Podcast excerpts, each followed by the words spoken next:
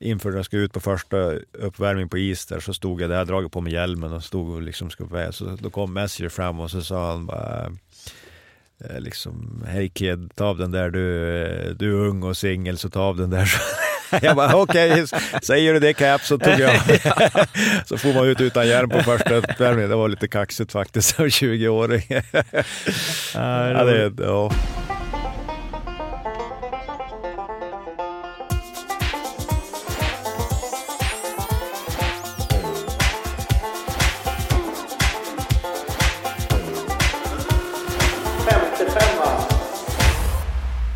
55an möter är detta, Mårten Bergman är det som pratar. Och nu har vi kommit fram till ett avsnitt med Niklas Susse Sundström, modeikonen som under den här intervjun eh, berättar att eh, hans tröja kommer hissas i taket i Modos Arena och eh, Eh, det skulle komma ut senare den här dagen, så det var inget jag visste om när jag satt mig i det här snacket. Eh, men någonting som i alla fall säger någonting om hans ikonstatus i klubben. Vad vi pratar om, förutom det, det hittar ni i beskrivningen till podden och mig når ni på Instagram på 55an förstås, eh, men också på Martin Bergman. Finns också på Twitter Prenumerera gärna på podden så blir jag jätteglad och så snurrar vi tillbaka klockan till den 26 november i Stockholm, Niklas Sundström.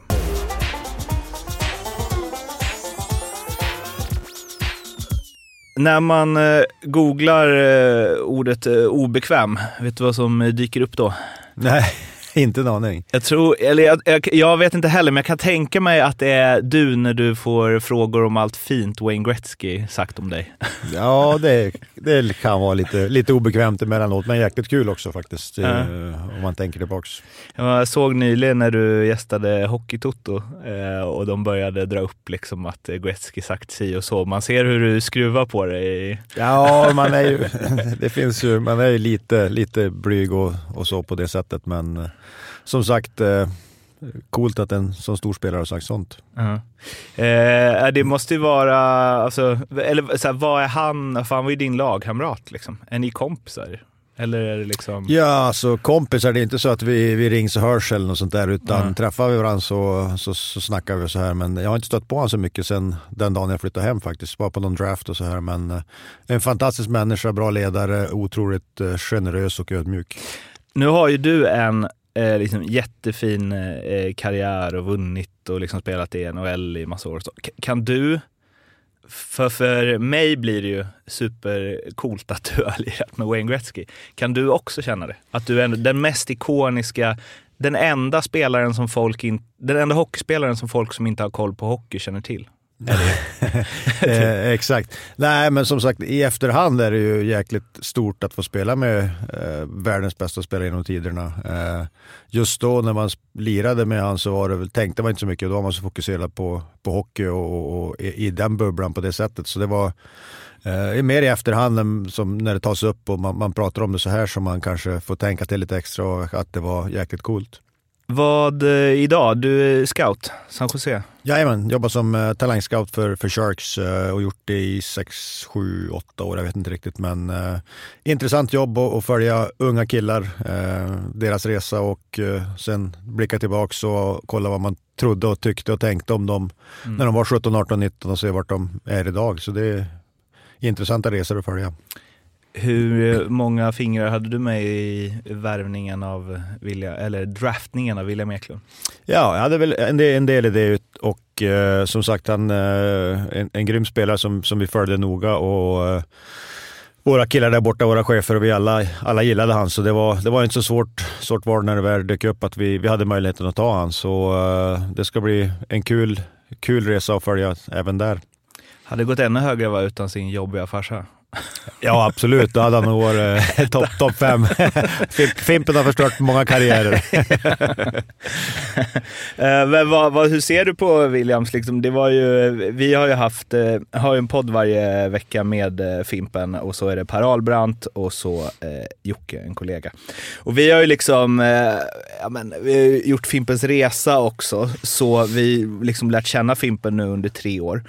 Och ha, han har ju hela tiden sagt ah, vi får se om William får spela i Djurgården, det är tuff andra säsong. Och så har han liksom bara, alltså det har varit en intressant utveckling när man bara, ah, fast nu då, när han dominerar i SHL, nu när han gör mål i sin Tre Kronor debut. Nu, han var ju fortfarande så ah, får se om det blir första runda. Eh, men första gången som han, hans liksom fjantiga jävla tvekanden eh, kring sin, och det är väl någon ödmjukhet också utåt förstås, så första gången som han fick rätt i det där var ju när han bara, ah, det är inte alls säkert att han blir kvar där borta efter nio matcher. Och vi bara, men va? De jublar ju varenda gång han får pucken och gör, alltså han behöver inte ens göra något. Det räcker med att han snurrar lite så är de helt tokiga liksom. Han bara, åh, det är politik och så liksom. Eh, vad, vad trodde du?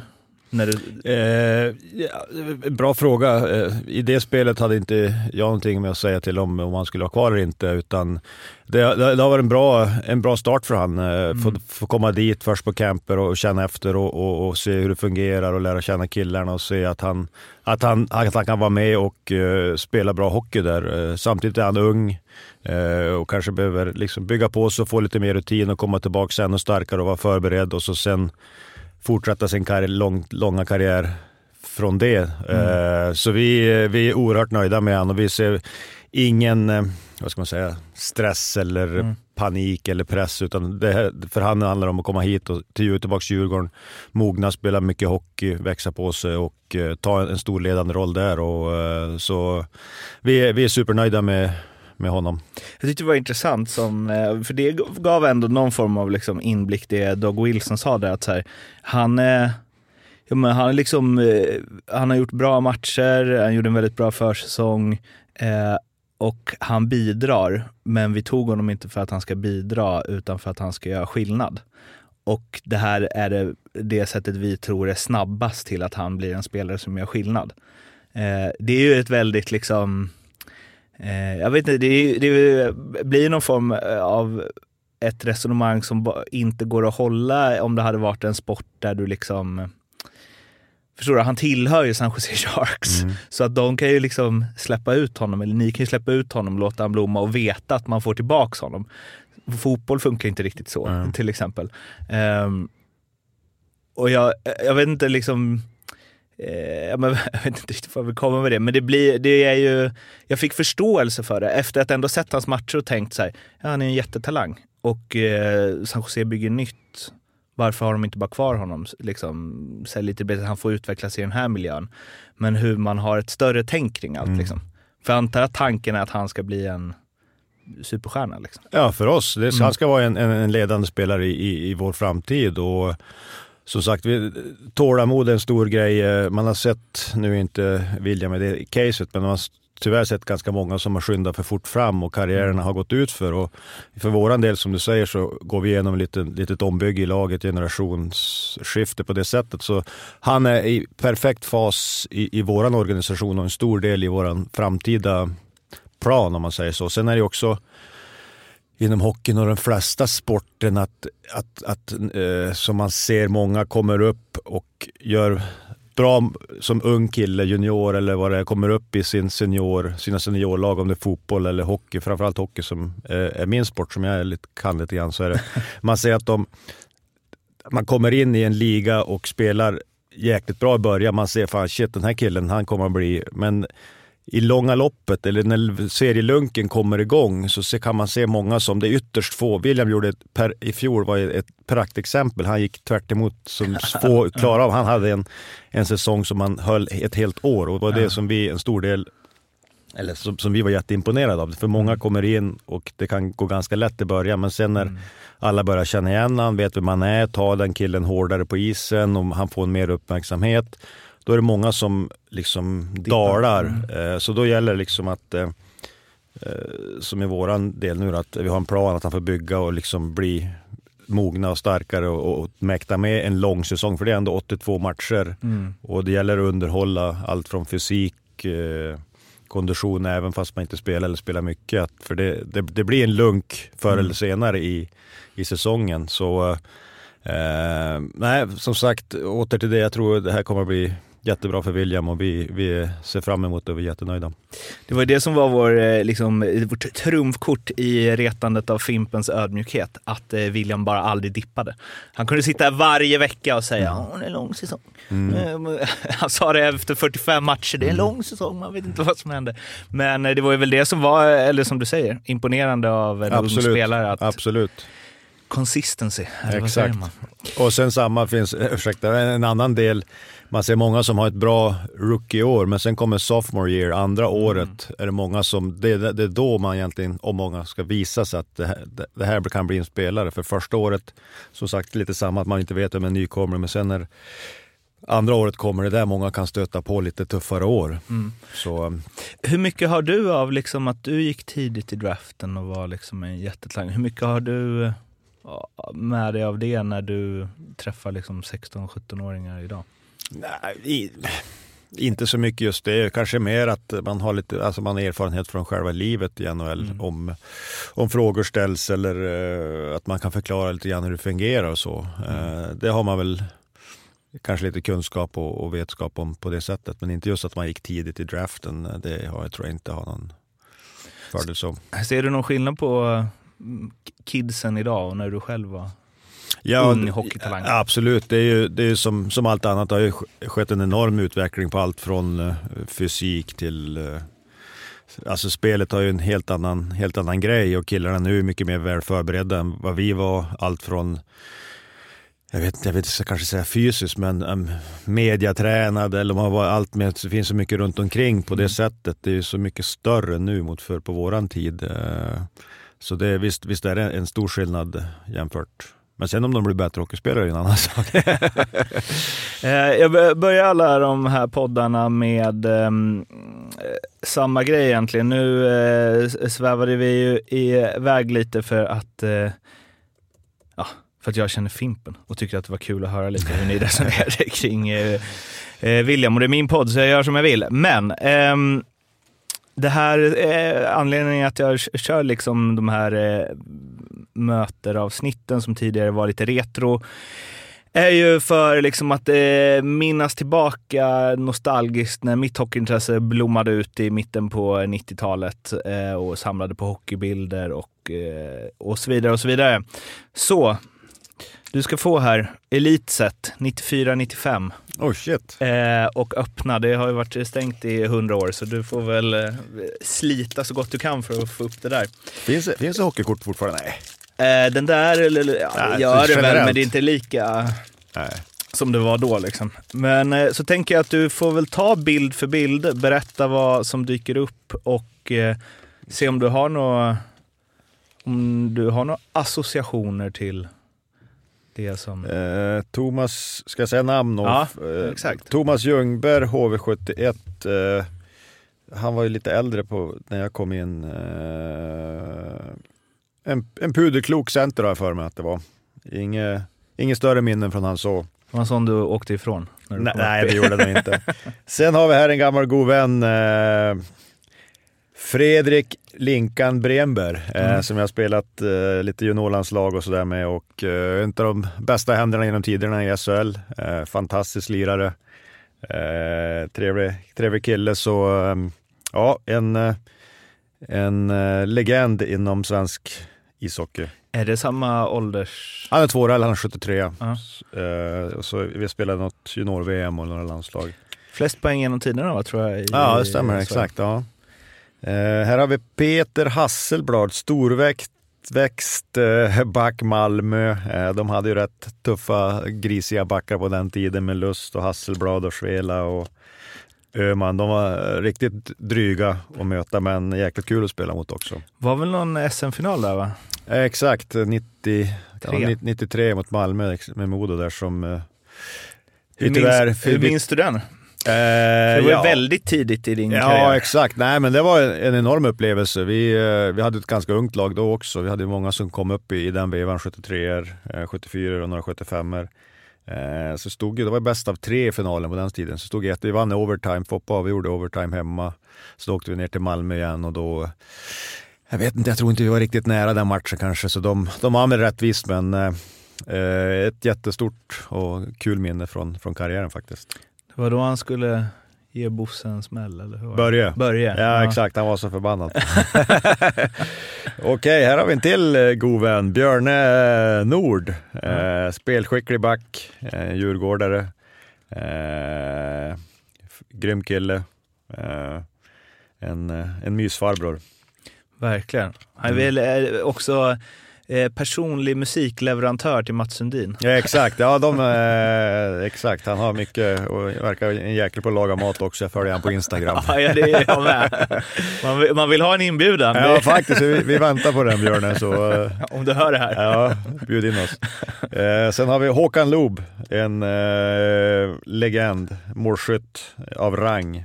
Bra jävla eh, paket du fick. Ja, faktiskt. Det här är bara, bara lirare, måste jag säga. Ja, vad ska man säga? Det finns inte mycket mer att säga om Loob. Han är väl fortfarande den enda som har gjort Över 50, 50 baljor där borta, så det är inte så mycket mer att, att säga om det. Han är... Var han där när du Nej, åkte, eller åkte han hem då? Eh, han... Ni byttes ja, ni nej, av? Nej, exakt. Han åkte hem innan. Jag, här, han, jag spelade mot honom hemma här. Från 93, 94, 91, 92 spelade han i Färjestad. Till 93, 94 i alla fall. Just så han var ju... Så vi möttes Fan, det här är bra lirare. Christer Olsson, eh, också ytterligare en backlegend. Eh, spelskicklig back, skridskostark, eh, bra tränad, en eh, lojal kille. Nuvarande coach, tränare i, drog han utomlands nu eller? Han är han kvar i Örebro? Nej, han drog väl till Schweiz. Nej, Schweiz, ja. exakt, det stämmer det. Eh, en lång och fantastisk karriär. Det är, ett, eh, det är mycket Tre Kronor på ja, de faktiskt. här korten alltså. Sen har vi Rögle Team Performance. Det här är en lagkort. Ja, det brukar vara två sådana. På den tiden var de inte lika bra som de är nu. Nu är de en, en ledande ett, en ledande organisation inom svensk hockey. Och sist men inte minst, en, eh, en, en jäkligt god vän till mig, Freddan Goalie Andersson, coach i Timrå. Mm. En en arg målvakt, jävla hett humör. Jag kommer ihåg en sekvens, jag, vet, jag var inte på isen, men ryktet säger att när vi mötte Malmö och de hade powerplay, då skrek han, för Burakovsky Robert var med, låt han inte skjuta! så han var livrädd för hans skott, men eh, Freddan är en, en, en, eh, en god vän till mig och en eh, fantastisk människa som eh, har gjort en bra resa i Timrå inom sin coach coaching? Mm, alltså det snackas ju ofta om eh, ja, men liksom alla talangfulla spelare som kommit från Modo eh, och det är lite uttjatat, men en försök till en annan take på det är att så här, under hela din hockeykarriär har du fått mycket liksom, vänner förstås. Men det, det är också många av dem du eh, växte upp med som blev liksom, hockeyproffs.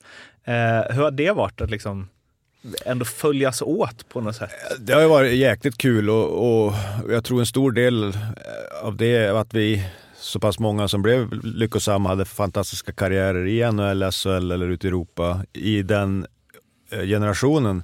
Det var ju att vi hade roligt på träningar och matcher. Vi tränade hårt, vi, vi tävlade hårt. Eh, Eh, så, så, det var ju, jag tror den största delen, liksom, att vi hade kul och att vi, vi, vi tog det på allvar och var lite smågriniga och så, eh, de flesta av oss, och, och hade tävling varje träning på det sättet. Men eh, smått otroligt i efterhand när man tittar tillbaks på hur, hur många som fick jättefina karriärer genom de åren. Det är helt otroligt. Eller liksom bara att det är så här, om man ser på liksom, eh, ja, men Foppa och Näslund som väl båda vunnit poängligan i mm. NHL eh, och sen Stinarna som också båda har väl vunnit poängligan mm. i NHL. Alltså att det är från det är så samma gata och ja, Sedinarna är obviously mm, ja, släkt också. Ja. Alltså det är otroligt. Ja, faktiskt. En sån liten stad har, har fostrat så, så många duktiga hockeyspelare och eh, förhoppningsvis så blir det fler framöver. Mm. Eh, som sagt, det är ju, Övik eller Modo är ganska ökänt där borta i NHL, NHL om man pratar med mycket, många reportrar eller journalister eller vad det är. Så de flesta vet, har talat om Modo, men de kan inte riktigt peka ut vart det är. Alla vet att det är en, det är en liten stad ifrån Sverige som det har kommer fram många duktiga hockeyspelare. Mm. När du ser sådana här bilder, eh, gamla matchtröjor och spelare som du har liksom spelat med under din karriär och så, och eh, ja, vad, vad ger det för känslor? Är det, eh, finns det någon nostalgisk ådra i dig? Ja, visst gör det det. Det är ju som sagt eh, inte förrän nu i efterhand så här när man börjar, man börjar titta tillbaks och, och, och eh, att, eh, på, på, vad man fått vara med om. Just då, de flesta åren gick ju så pass fort. Man, man, man hann inte reflektera direkt hur, vad man gjorde under de åren på det sättet. Eller, men visst, visst är det, och det är kul att åka runt nu inom, i och med att jag är inom hockeyn fortfarande, så åker jag runt på många arenor och upplever lite gamla minnen och träffar, stöter på någon gammal mm. motståndare eller sånt där. Så det är ju jäkligt kul faktiskt. Var det bättre förr? Absolut. Ingen tvekan. Eh, men vad, vad, vad, vad, var bättre förr och vad är bättre idag? Och kanske inte just liksom att hockeyn har utvecklats, det vet vi ju, men liksom eh, ja, men generellt, liksom, vad, för jag har en fråga som jag brukar ställa, som jag väl nu försöker formulera om, men liksom, om du hade fått ta med något från den tiden till nu som du tycker har försvunnit och vice versa, något du tycker är bra att det försvunnit? Eh, en bra fråga. Eh, om man tar rent... Eh, några grejer är väl, eh, jag tycker eh, hockeyn om man säger så, eller grabbar nu uppe på de här nivåerna har blivit lite mera jag vill inte säga egoistiska, men mer individuella på ett sätt. Eh, eh det har ju en utveckling inom, det har att göra med mycket inom utveckling, allt från eh, sociala medier, telefoner eller vad det är. Mm. Till exempel bussresor och sådär. Det var ju bästa som fanns förr i tiden när man, mm. någon var videoansvarig, alla satt och kollade på, de flesta, det fanns ju ingen mobiltelefon, satt och kollade och surrade liksom. Mm. Och det, Terminator 2. exakt, det var ju, det var ju sånt där, sådana minnen som man som är jäkligt starka så här i efterhand. Mot för nu sitter ju alla med hörlurar och sina egna telefoner och, och kör. Att det, lite sånt tror jag är lite, om jag säger bättre förr, av rent sociala aspekten och lagkänslan och det tror jag att det var eh, jag vill inte säga bättre förr, men en, en annan, en, en annan, annan typ av, av lagkänsla på det sättet. Eh, som jag gärna skulle se tillbaks, se att de tog tillbaks, men det är svårt att säga åt grabbarna vad de inte får göra och inte göra på det sättet. Ehm, så det är väl en grej mm. som jag kommer på. Um, något som är bra att det inte är kvar då? Jag vet faktiskt inte. En annan grej, en, en, grej som, som jag tycker var jävligt coolt, det var ju som förr när vi spelade, när vi kom upp så fanns ju inte det var ju inga tv-sändningar. Det var ju tio minuter, något, något, någon match som fick vara med på sport där man fick se highlights och man visste inte vad det blev. Så alla borta, eller de flesta borta matcher som vi hade varit på, ja. vi kunde ju ha förlorat eller vunnit och man kunde haft en kass, man kunde vara riktigt jävla kläppkass. Ja.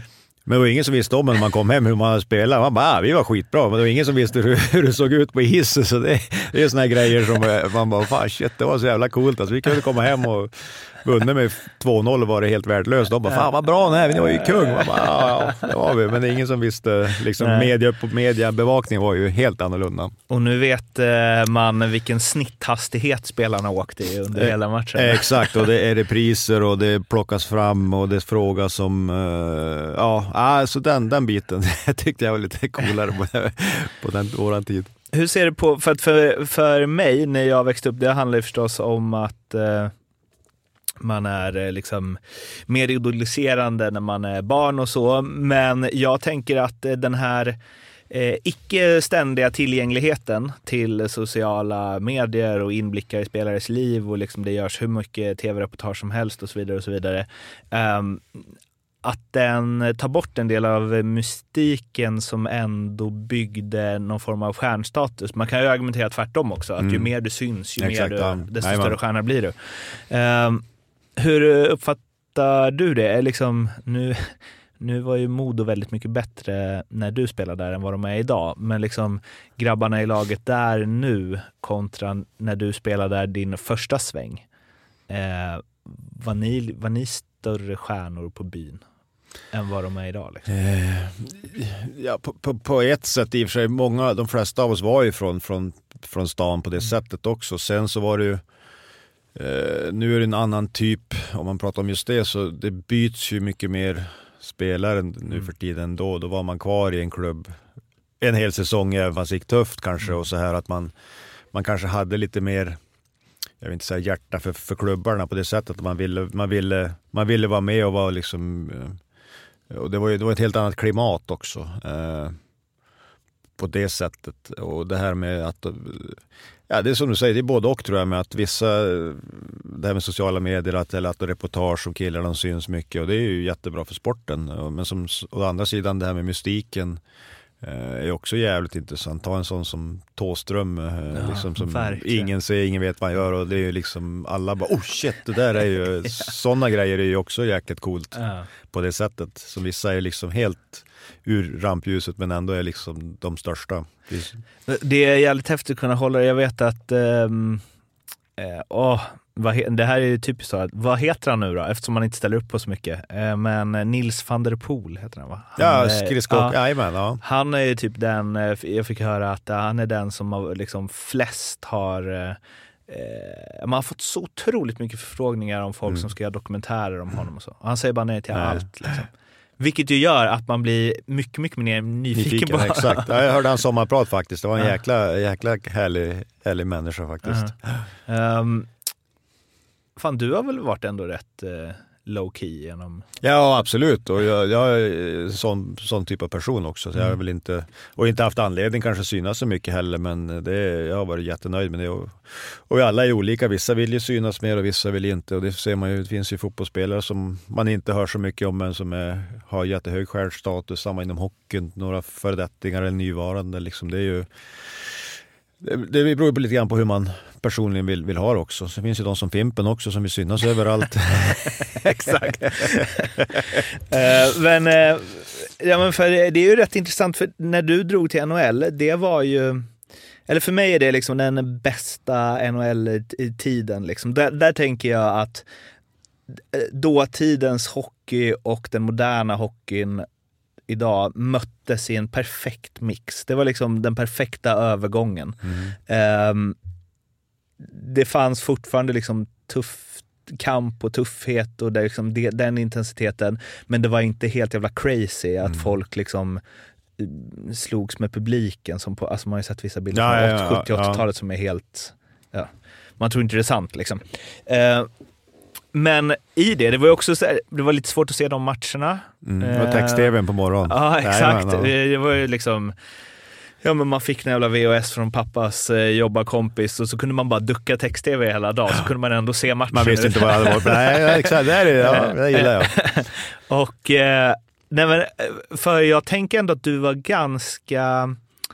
eh, Alltså idag finns det ju massa spelare i NHL som man bara, oh, vänta, han är i NHL, känns det som, Mm. liksom mot då. Men du var ju också i någon så här, eh, ja men så här, Lida, Sudden, Foppa, fick så otroligt rampljus i NHL. Samtidigt som här hemma så var ju samma spelare i Tre Kronor. Mm. År efter Mm. år. Alla visste om, det är väl, Mm. de säger ju det, vissa av dem jag intervjuat i den här podden, att vad, vad säger, det var lättare att Komma, komma med än att åka komma- ut. Ja, exakt. Ja, det stämmer. Ja, ja, visst är det så. Eh, och att det var då, alltså att jag tänker att du ändå i förhållande till eh, men ändå liksom spela New York Rangers och liksom spela med Gretzky, att du ändå var rätt anonym här hemma. Liksom. Mm. Eller? Ja, skitbra. Ja, jag är supernöjd. men det var så? Ja, ja, ja, ja, det, Ja. ja, visst är det så. Eh, och, eh, nej, då, jag, för mig har det varit bra. Ja, okej. Ja. Eh, men det, det, var, det bara blev så eller? Det var inget... Ja, nej, då, det är väl ingen... Eh, liksom, det var väl de som ville vara intresserade av att veta, de, de Ja. var väl det, men annars var det inget... För eh, om, eh, alltså dels att det är Rangers, liksom. om McDavid hade spelat i New York Rangers och vi hade haft en svensk som spelar bredvid honom, Mm. det hade varit ganska mycket rampljus på den svensken idag. Ja, så, ja liksom. exakt. Ja, det hade varit stort. Det hade varit, Ja. det hade varit mäktigt. Kommer du ihåg din första match på elitnivå? Eh, absolut, Eh, kom ju upp. Kent Forsberg plockade upp mig där. Eh, Han fick tillträda som eh, head coach i Modo. Om det var, det måste vara 91 eller jag var 16 och ett halvt tror jag. Det var efter jul någon gång. Luleå borta. Vi torskade så här med 8-2 eller något så Det var min om jag var, på den tiden var man ju 18 man. Då hade man tre kedjor Just och tre femmor och så en som satt. Så jag fick hoppa in tror jag då efter. Och sen efter den matchen tror jag fick spela de flesta resten av det året. Gjorde du poäng direkt eller? Eh, Fyra den säsongen på nio matcher? Ja, kanske inte den matchen. Jag vet faktiskt. Ja. Men var det bara sex? 16 och ett halvt tror jag det var. För det var ju efter jul. Vilket år var det? 90? 91, 92, så 92 då antar jag. Om det var 92? Fan, jag Om det var efter 75 Ja, det måste ju vara något sånt. då. Ja. Ehm, var det en liksom dröm som Ja absolut, det var ju hur coolt som helst. Mm. Och som sagt, det var ju, det var ju många av dem ju som 73-kullen som var uppe och spelade redan då. Och sen efter det så blev vi fler som fylldes på 73, 74 och 75 så det var ju liksom jäkligt roliga år där som vi yngre kom upp och tränade och tog för oss och fick, fick veta också att eh, så där får man inte göra av de äldre med, med respekt. Liksom. Att Mm. veteranerna sa till en om man, om man var för kaxig eller eh, så det var en jättebra uppfostran. För, eh, ehm, för idag så, det är ju också en grej som har ändrats, att du kan komma upp och vara 18 och bäst i laget och då blir hierarkin lite konstig liksom. Mm. För att då kanske det är så här, jag, ni ska inte komma och säga åt mig att hämta några jävla puckar för jag är Mm. mycket bättre än vad ni är. Mm. Liksom. Men, eh, och då var det ju inte så. Man har ju hört, alltså det finns för både bra och dåliga grejer. Man har ju hört liksom dåliga hierarkiska historier från den tiden också. Men att ni var fler som var unga. Ja, det, det, det tror jag gjorde det lite, lite lättare för oss eh, på det sättet. Men samtidigt så var alla utav oss var, eh, är ganska, eh, eller är och var eh, väldigt ödmjuka och respekt. Vi hade respekt för de äldre och det var inte så att vi kaxade upp oss på sidan om utan kaxade vi upp oss så var det mer på isen och liksom satte åt eh, på träningar och sådär kanske eh, tuffa tag och som eh, och det, har, det tror jag är en stor del- av eh, våra framgångar som eh, de flesta av oss som har varit med där i våra karriärer, att vi inte backade undan eller ställde oss i en kö, utan vi, vi tog för oss, men på, på, ett, på ett bra sätt. När du, eh, om jag sa det lite förut, vad du får för känslor när du bläddrar med de där bilderna, men kollar du tillbaks någonsin? Kollar du på gamla klipp eller bläddrar i något? det, det, nej, nej, ibland. eh, Det är väl någon som har visat någon YouTube. Det finns ju inte så mycket kvar heller från modotiden på det Nej. sättet. eh, Från den här tiden, den första tiden. Eh, Men eh, när kommer det här sändas förresten? Eh, på torsdag? Då kan jag ta det här att, Mm. men det enda nu, det kommer ut idag, jag, ska- få mitt namn hissat i, på Ah, Hägglunds Arena ah, i- okej. nu i slutet på Wow. december. Men det det, tänkte jag komma Ja. till att nu håller jag på att grotta fram lite, försöka få fram lite gamla bilder och videos från den tiden till en, Ah. en liten video som ska göras. Aha. Så det är lite, lite svårt att komma åt vissa grejer, att det finns eh, på det Ah. sättet. Så, men då har du kollat lite ändå eller? Nej, jag, Alltså, jag håller på att börja. Jag Ah, har, okej. jag har någon gammal lagkamrat faktiskt från pojklagstiden som hans farsa har filmat en VHS. Nu måste vi bara få tag på någon VHS-spelare och, och börja kolla och försöka klippa ihop någonting. Och, Ja. så eh, Men, men eh, det måste vi ju... eh, Dels måste vi ju prata om det då. Först innan, det är liksom till att klippa ihop den här videon då, som du ska hålla på med nu.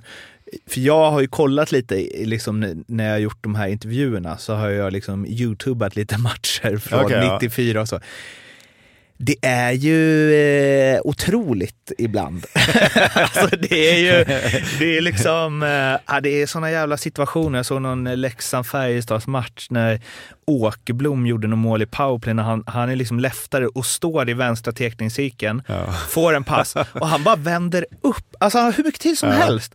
Och så bara slagskott längs isen i mål. Ja, alltså det, ser är- helt ibland, sjukt Ibland är det pinsamt när man tittar på vissa. Man bara, det är ungefär som, eh, som sonen min som är 12 då, och några Ja. polare suttit och kollat på eh, så här gamla. De bara, "Va- vad är det här för något? Det är ju en helt uh, bisarr upplevelse. Så är det en historia också kan jag dra om, eh, jag har en hockeyskola varje sommar, så var det någon som kom med en, eh, en gammal träklubba som jag hade haft förr i tiden som, Mm. på hockeyskolan. Och så, vad fan, här är min liksom, det här var coolt. Och så kommer några av de här små, små killarna och tjejerna, vad är det där för något? Har du gjort den där själv eller? De vet, har ju aldrig sett en träklubba förr.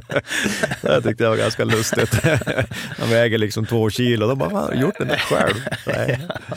Något gammalt från slöjden. Exakt, ja. Alltså eh, nej men det du, det du nämnde nu då att eh, tröjan ska hissas. Mm. Hur... Eh, var det fan fint ju. Ja, stort faktiskt. Det är ju det är många, det är några legendarer som hänger där uppe, mm. så det ska bli, bli jäkligt mäktigt faktiskt att få, få, få en del av det. Tror du att du kommer ha en, en klump i bröstet? Absolut, när, absolut. Ja. det kommer det garanterat bli. Det känns ju för att alltså, det här, ni som lyssnar på alla de här intervjuerna, jag ber om ursäkt för alla upprepningar, men en av liksom de eh, ja, alltså, är de starkaste sportminnen jag har var liksom när Foppa la av. Han var ju min gud under uppväxten. Liksom. Eh, och eh, det var, ja men fan, jag grät så mycket när jag såg den där presskonferensen för att det blev någon form av, vad kan jag ha varit då? då? När slutade han? Noll? Jag var väl runt liksom 20, nej det måste varit senare, jag var väl runt 22, 23 eller något. Eh, och jag vet att jag kände att eh, eh, ja men liksom så mycket tid, han har, eh, eh, så länge jag varit intresserad av sport, så länge jag varit medveten om sport, så har liksom Foppa funnits där. Mm. Så det blev en sån himla så här, och tiden har, uh, liksom, vad det har gått mycket tid, fan. Mm. och i det så tänkte jag också, hur känner han då? Som har levt det här i hela sitt liv. Och hur känner alla som lägger av? Och för dig blir det ju nu liksom när tröjan ska upp, det blir också, det blir ju verkligen sista, mm. alltså boken stängs där mm. helt. Eh, jag vet inte, det är mycket att ta in. Det är inte bara liksom att det är fint att bli hyllad för det man gjort, utan det är också mm. massa grejer runt det, mm. antar jag. Ja, nej, men som sagt, det ska bli jäkligt kul och eh, vad ska man säga, väldigt eh, tacksam för att, att det kommer hända och för för vad Modo har betytt för mig på det mm. sättet att jag, de har ju varit en stor del av, av min, min, min resa om man säger så. Så jag är väldigt stolt. Ja, hur känns det att så här, eh, du, du har ju liksom vunnit SM-guld och så, men att, eh, att du för alltid kommer vara i taket på... Alltså... Ja, det är coolt, jättecoolt. Det är någonting som Eh, och ganska kul för, för mina barn som ja. knappt har sett mig spela på den, ja. den tiden. De var så liten när jag slutade. Så, eh, man har försökt att förklara någon gång emellanåt men de... Eh, nej, det, det, det, det blir ett, ett, ett, eh, ett, bra kvitto faktiskt att man, att man gjort någonting bra. Mm. Har du något att snegla upp på när du är på... Ja exakt, jajamän. Ja. Varför la du av? Eh, jag, var, jag var nöjd faktiskt med min karriär. Jag kände sista året i Modo att jag var eh, jag var ganska, jag var nöjd. Jag hade inte den här gnistan som, även fast jag var, var liksom delaktig och en, hade en, en, ganska bra säsong, att jag var en, en av de ledande spelarna fortfarande i Modo, så, eh, så, var jag, så var jag nöjd så. Och, och jag ångrar inte en sekund på det sättet, att jag slutade med hockeyn. Visste du inför din sista match att du skulle sluta? Med Modo visste jag det, ja. Eh, det var eh, i Färjestads slutspel, jag visste det. Att, jag hade förhoppningen att vi, att vi skulle gå längre, men vi, vi åkte ut och då hade, jag bestämt, då hade jag bestämt mig att det var sista matchen i Modo. Mm. Så ja, det var, det var bestämt. Och det var helt, där var det inga jobbiga känslor eller? Nej, jag var, jag var ganska nöjd. Sen, sen faktiskt eh, så fick jag en förfrågan på sommaren därefter och jag var ju, att, om jag ville åka och prova att spela i Ryssland ett, ett eh, en säsong. Eh, så jag, jag åkte faktiskt över till Minsk på, på försäsongen mm -hmm. och uh, skulle prova lite grann där. Sen uh, klarade jag inte av med, med medicinska kontroller så då så det blev ingenting. Så då åkte jag hem och var, var jäkligt nöjd. Uh, för det har man ju också läst om flera gånger, det här tomrummet som uppstår när man mm. slutar spela. Liksom. Exakt, och det där, det där, är, jag vet, jag har ju många, många gamla kollegor och, och hört om många gamla kollegor som har fått det jättetufft efter karriären, både psykiskt, fysiskt och personligt, alla möjliga problem. Uh, och personligen så jag har jag klarat mig jättebra och jag tror en, en stor del det här är min teori. Många av de här som, som får lite tuffare efter karriären kan ju vara killar som kanske vill fortsätta spela, som är tvungna att sluta på skador eller inte få nya jobb, att de vill och vill och så tappar de eh, sin identitet och tappa den här att om man vill fort, vad ska jag göra nu? Liksom, det går fort, jag skulle vilja fortsätta spela hockey, vad ska jag göra? Så, så jag tror många utav de som får det tufft, att inte kanske lägger av på sina villkor på det sättet. Eh, personligen så la jag på mina villkor och jag har varit jättenöjd sedan dess. Sen kommer det vissa stunder när man sitter på match och man, det börjar hetta till eller att det är jämnt att man skulle vilja vara med på det sättet. Men inte att eh, just eh, det dagliga spelandet på det sättet har jag inte ångrat. För en sak som, man, eh, eh, som jag tänker är, är omöjligt att ersätta och en sak som också säger till liksom vänner som är ointresserade av sport, eh, att de missar en känsla i livet som är, eh, alltså det finns liksom inget annat eh, det kanske skulle vara om man vann liksom svinmycket pengar på Triss eller något. Mm. Men annars, det finns liksom ingen känsla där jag skriker ut av lättnad och glädje som kommer på en sekund. Där jag mm. inte vet att det kommer hända, det vill mm. säga vid ett viktigt mål. Det finns ju inget annat i mitt, det finns ju massa härliga känslor men det finns ju ingen annan gång i mitt liv som jag gör det. Mm. Eh, och det blir ännu mer om man är, alltså spelar själv. Mm. Att det är ett tomrum som är liksom svårt att hitta något annat för. Alltså paddel liksom, men vad fan. Ja, men då, då, då är man bara glad och nöjd, även om man förlorar för oftast. Eh, ja. Eh. men, men, har du något, eller liksom har du, saknar du det? Ja, visst, ja, ja, det, det, gör jag. Vissa grejer utav det där som um, att man vill, vill vara en del av det och även eh, sakna, alltså jag, jag hoppas att, att killar och tjejer som, som håller på med idrott och har, kommer upp i, i bra nivåer och, och får spelar, göra det man tycker är roligast, att de fattar hur jävla roligt det är och hur, hur kul resa de kan ha och kommer ha det. Mm. Och att de verkligen tar vara på chanserna. Att inte liksom, det, det, har jag, det, det, det är lite oroväckande ibland när man, man hör killar, nu kan jag bara hockeyn då, men ah, vi måste träna så mycket, tuff vecka, varför gör vi så här? Och, fan, njut, det är fan det bästa stunden i hela liv. Kör! Det är liksom, vad ska du annars göra om du inte älskar hockey? så finns väl inget bättre än att vara på rinken eller träna eller vara med grabbarna på en, på en resa eller bortamatch. Eller, mm. uh, nej, men det, som sagt, det är eh, om man säger tomrummet, att, att få vara en del av vissa grejer som ibland jag kan blicka tillbaka och fan vad kul det hade varit med där. Eller mm. bara sätta sig på en buss, man träffar grabbarna i Modo, ah, käka lunch på arenan och så mm. sen ska de dra och åka fyra timmar buss till fem timmar buss till Uppsala och spela match. Fan, man bara shit, jag skulle vilja sitta på den här bussen, bara njuta och halvsova lite grann och så sen spela match och åka hem. Sådana grejer kan man liksom, det skulle vara trevligt idag. Det låter som du är inte en sån som eh, bangar när det är så old school eh, Tre Kronor och sånt. Ja, faktiskt. Jag har inte varit med, eh, inget, jag har fått någon förfrågan på sånt där, men Aha. jag har inte, inte riktigt varit med på någon. Okay. Vi har ju kört, vi har ju vår egen välgörenhet Icebreakers uppe i, i Västernorrland mm. som vi har kört. Eh, nu sista åren har vi inte, ja, fjol var väl per automatik mm. med, med coviden, men annars eh, så har vi försökt köra några matcher och dra in pengar till, till välgörenhet. Så det är ju i, i princip det vi det har varit med på på det sättet faktiskt. Men då åker ni inte buss för till matcherna? Jo, det brukar vi. Gör ni det? Ja, ja det beror på vart det är. Ja, ja absolut. okay. Ja, ja, det, är, det är ingen first class där inte, utan vi är tillbaks till, till rötterna. Ah, nice. Buss och Terminator. Uh, en, uh, jag måste bara tillbaks till det, för det var, det var intressant när du sa det, att så här, alla satt och kollade på samma film eller man spelar kort eller liksom, och att det mycket nu är liksom lurar, mobil.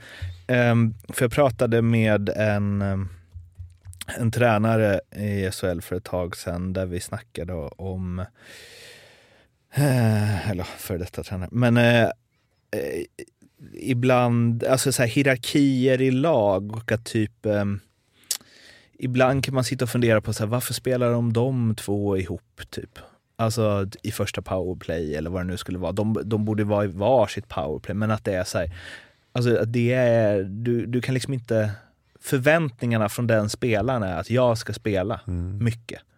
Även om så här, vi redan har en sån spelartyp så ska jag ändå spela. För att det, det, är liksom, det är jag. Jag spelar första powerplay. Mm. Jag fattar att det fanns egon på den tiden med förstås. Men tror du att det blivit ännu mer så, så här, jag, min karriär, hur jag ska prestera kontra att man liksom nu är vi det här laget. Alltså, jag tänker på att det blir så per automatik om vi skruvar tillbaka till början av din karriär eller ännu tidigare när liksom folk eh, jobbade vid sidan mm. av hockeyn. När det var liksom alla var... Mm.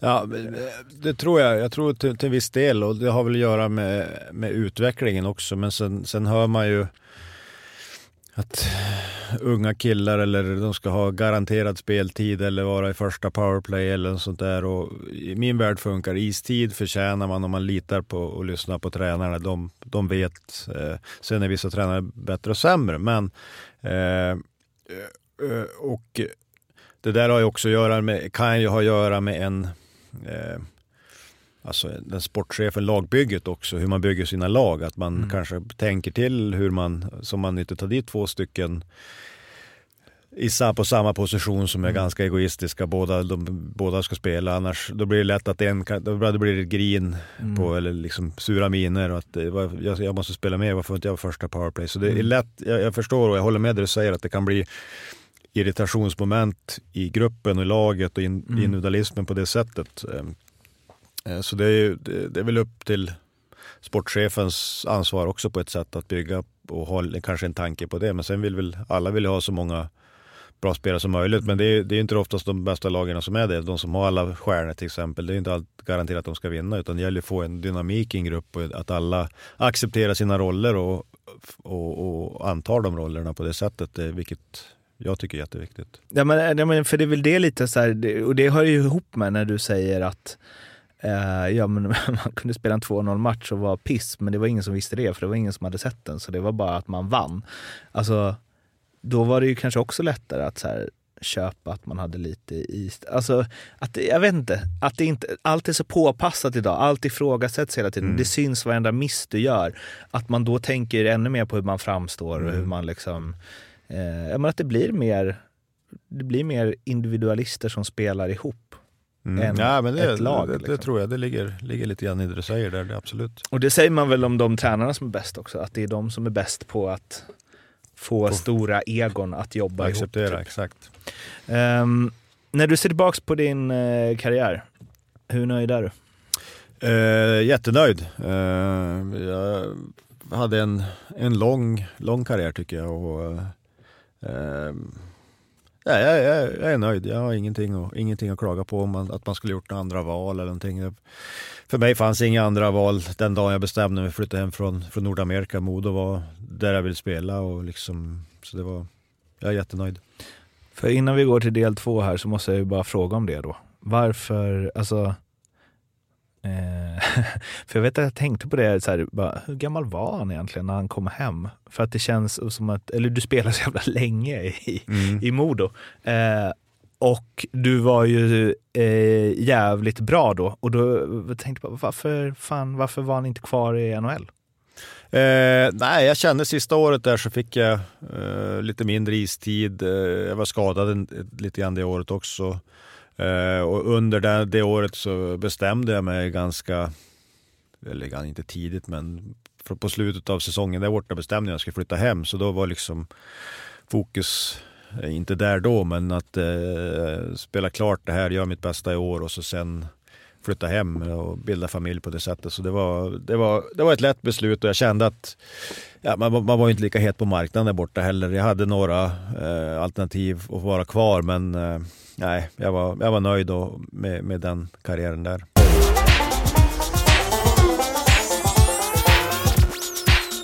Del två då. Ehm, förutom Foppa, Sudden och Lidas, vem eh, tycker du är Sveriges bästa spelare genom tiderna?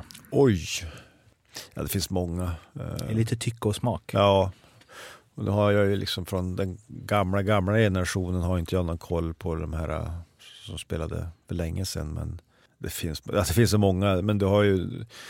Uh, ja. Det är ju lite vem du håller högst. Ja. Liksom. Alltså. Ja, alltså jag måste ju säga, jag gillar ju liksom spelare på det sättet som, uh, som du har ju ja, Sedinarna de hade ju fantastiska karriärer. Mm. Om man pratar från Zäta, Bäckis, Macke Näslund. Uh, uh, ja, det är de som, som sticker ut just nu som jag kan, kan tänka. Eh, och då, är det, då är den här lite kul då, den är ju liksom extra med eh, dig med moderbakgrunden. För som, jag, jag sticker in lite då och då, men Henrik eller Daniel? Oj, jag vet inte vem som är vem fortfarande. Så jag säger båda. för jag, jag måste se dem tillsammans för att veta vem som är vem. för det är, det är verkligen eh, deras liksom, spelstil, tänker jag, säger något om hur man själv ser på hockey. Att liksom Daniel är den typiska målskytten och Henrik playmakern. Och alla som jag har ställt den till i den här podden vet jag vem de kommer säga.